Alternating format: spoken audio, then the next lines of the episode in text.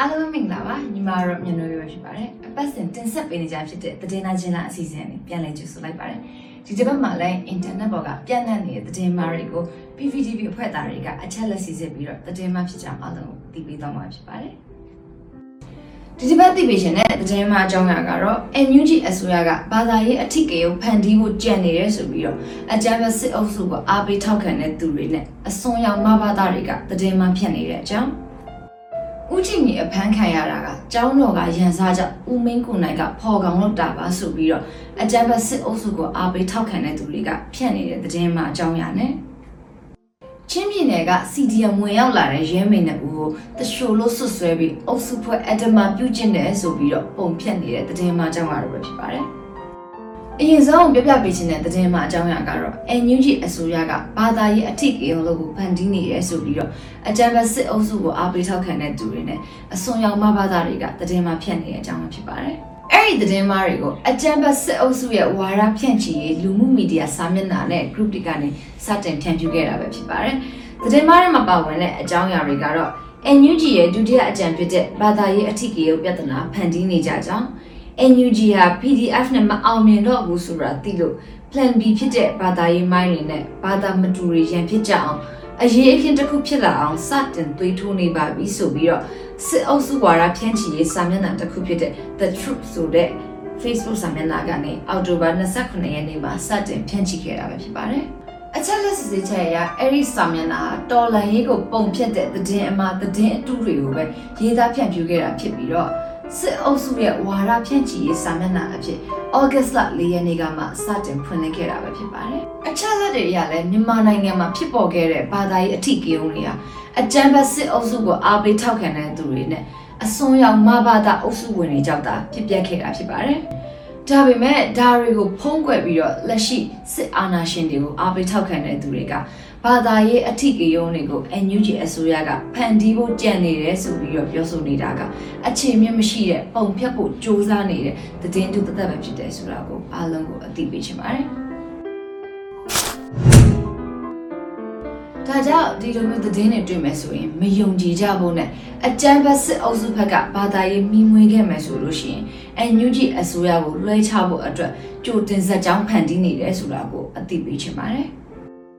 ပြည်သူလူထုအကြားဘာသာရေးလူမျိုးရေးအမုန်းတရားတွေရိုက်ထည့်ပြီးတော့အာယုံလွဲသွေးခွဲအုပ်ချုပ်တဲ့အာဏာရှင်တလေးကຫນွေဦးမုံတိုင်းနဲ့အတူမြန်မာပြည်ရဲ့ခတ်ဝဝေးကိုလွင့်သွားခဲ့ပါပြီ။อืม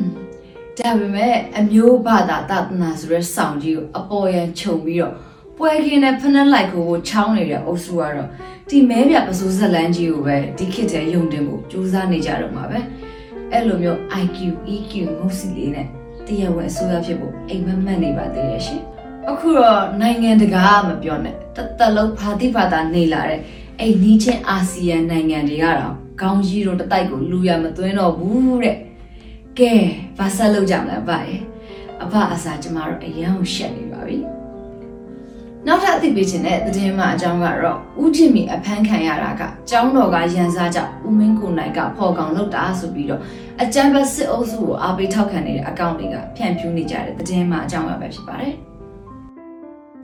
အဲ့ဒီသတင်းမှကိုစစ်အုပ်စုအားပေးထောက်ခံတဲ့ Telegram Channel တွေနဲ့ Facebook Group တွေမှာစတင်ဖြန့်ဖြူးခဲ့တာဖြစ်ပြီးတော့တာမန်ပြည်သူတွေရှိတဲ့ group တွေထဲဒီပါရည်ရွယ်ချက်ရှိရှိနဲ့ဖြန့်ဖြူးခဲ့တာပဲဖြစ်ပါတယ်။ ဖြန့်ဖြူးခဲ့တဲ့သတင်းမှအကြောင်းအရာတွေကတော့ဦးမင်းကိုနိုင်တို့လင်မယားယူပြေးသွားတဲ့ဒေါ်လာတွေကိုဦးကျင်မီက PDF တွေအတွက်လက်နက်ဝယ်ဖို့ပြန်တောင်းလို့ရန်ဖြစ်ကြတဲ့အပြန်အလှန်စာတွေနဲ့လာခရတွေကိုတိကျတဲ့သတင်းပေးဖန်ဆီးစေခဲ့တာဆိုပြီးဖြန့်ဖြူးခဲ့တာပဲဖြစ်ပါတယ်။အချက်လက်စစ်ဆေးချက်ရဒီလိုမျိုးသတင်းအမှားနဲ့ပုံစံတူပုံဖြစ်တဲ့သတင်းအမှားတွေကိုစစ်အုပ်စုထောက်ခံတဲ့သူတွေကတော်လန်ရေးကိုပြိုကွဲစေဖို့ရည်ရွယ်ချက်ရှိရှိနဲ့ဖြန့်ဖြူးခဲ့ဖြန့်ဖြူးနေကြဆဲဖြစ်ပါတယ်။ အချက်လက်အမားတွေကိုအသုံးပြုပြီးပြည်သူတွေကြားထဲမှာတန်တရားနဲ့အချင်းချင်းသွေးကွဲစေဖို့ရည်ရွယ်ပြီးတော့ဒီလိုမျိုးလောက်ကျန်ဇလန်တွေကိုဖန်တီးတာပဲဖြစ်ပါတယ်။ဒါကြောင့်ဦးဂျင်မီအဖမ်းခံရတာကျောင်းတော်ကရန်စားကြောင့်ဦးမင်းကိုနိုင်ကဖော်ကောင်လုပ်တာဆိုပြီးအကြမ်းဖက်စစ်အုပ်စုကိုအားပေးထောက်ခံတဲ့သူတွေဖြန့်နေကြတဲ့တဲ့တင်ဟာ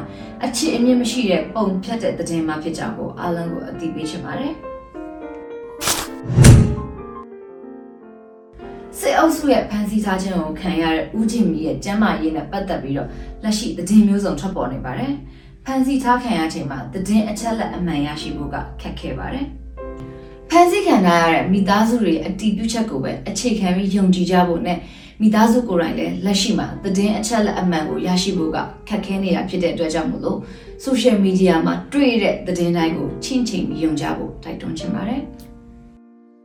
နောက်ဆုံးအနေနဲ့အသိပေးချင်တဲ့သတင်းမှအကြောင်းအရာကတော့ချင်းပြည်နယ်က CDM ဝင်လာတဲ့ရဲမေနှုတ်ကိုတရှိုလို့ဆွဆွဲပြီးအုပ်စုဖွဲ့အဒမပြုတ်ကျင့်နေဆိုပြီးပုံဖြတ်နေကြတဲ့သတင်းမှအကြောင်းအရာပဲဖြစ်ပါတယ်။အဲ့ဒီသတင်းမှကိုလည်းအကြမ်းဖက်စစ်ကောင်စီကိုအားပေးထောက်ခံနေကြတဲ့ Telegram Channel တွေ Facebook စာမျက်နှာတွေနဲ့ group တွေကနေဖြန့်ဖြူးခဲ့တာပဲဖြစ်ပါတယ်။အချက်လက်စစ်ဆေးချက်အရဖော်ပြထားတဲ့ရဲမေနှုတ်က စက်တင်ဘာ18ရက်နေ့က CDM လှုပ်ရှားမှုမှာပါဝင်လာတဲ့ချင်းပြည်နယ်ရဲတပ်ဖွဲ့မှုရုံးကအမျိုးသမီးရဲဝန်ထမ်း2ဦးရဲပုံတွေဖြစ်ပြီးတော့အဲ့ဒီသတင်းနဲ့ပတ်သက်ပြီးချင်းပြည်နယ်အခြေစိုက်သတင်းဌာနတစ်ခုဖြစ်တဲ့ဇလန်းသတင်းဌာနကသတင်းဖော်ပြခဲ့ပါတယ်။အဲ့ဒီသတင်းဖော်ပြထားတဲ့ပုံကိုယူပြီးတော့အခုလိုမျိုးအကြမ်းဖက်စစ်အုပ်စုလက်အောက်ခံရဲတပ်ဖွဲ့ကိုစွန့်ခွာပြီး CDM ပြုလုပ်ခဲ့တဲ့အမျိုးသမီးရဲမေနှစ်ဦးကိုပုံဖြတ်တဲ့သတင်းမာတွေကိုဖြန့်ဖြူးနေတာပဲဖြစ်ပါတယ်။ ဒါကြောင့်ချင်းပြည်နယ်က CDM ဝင်ရောက်လာတဲ့ရဲမင်းတို့ကိုတရှိုလို့ဆွတ်ဆွဲပြီးအုပ်စုဖွဲ့အဒမပြုတ်ကျင့်တယ်ဆိုတဲ့သတင်းကပုံဖြတ်ထားတဲ့သတင်းမှဖြစ်ကြောင်းကိုအားလုံးကိုအသိပေးချင်ပါတယ်။ကဲဒီလိုသတင်းတွေကလည်းခဏခဏကိုရှင်းနေရပါတယ်။ဟိုးလွန်လေပြီးတော့ကာလာတလျှောက်စစ်အစိုးရခေတ်အဆက်ဆက်ကတိုင်းရင်သားဒေသတွေထဲမှာမဒိန်ကျင်တာကိုစစ်တီတော့ကျင့်ဝတ်လို့ဆွတ်ဆွတ်မြဲမြဲလှုပ်လာတဲ့စစ်တပ်က ဘယ်စစ်တပ်လဲဆိုတာကိုတော့နီးစက်ရတိုင်းရင်သားဒေသခံတွေကမေးကြည့်လိုက်ကြပါတော့နော်လက်အောက်ငယ်သားရဲမေလေးတွေကိုယာထူးနဲ့နှာဘူးပူးတွဲ promotion ပေးတဲ့ရဲမှုချုပ်ကြီးတို့အရာရှိစစ်သေးတွေကိုချစ်ကြည်စွာနဲ့ကြားကြားချင်းချီတော့တင်ခဲ့ကြတဲ့ဘူချုပ်ကြီးတွေရဲ့တဲ့တင်ကမကြသေးခင်ရပဲဟိုလေးကြော်ဖြစ်ခဲ့တာလေနော်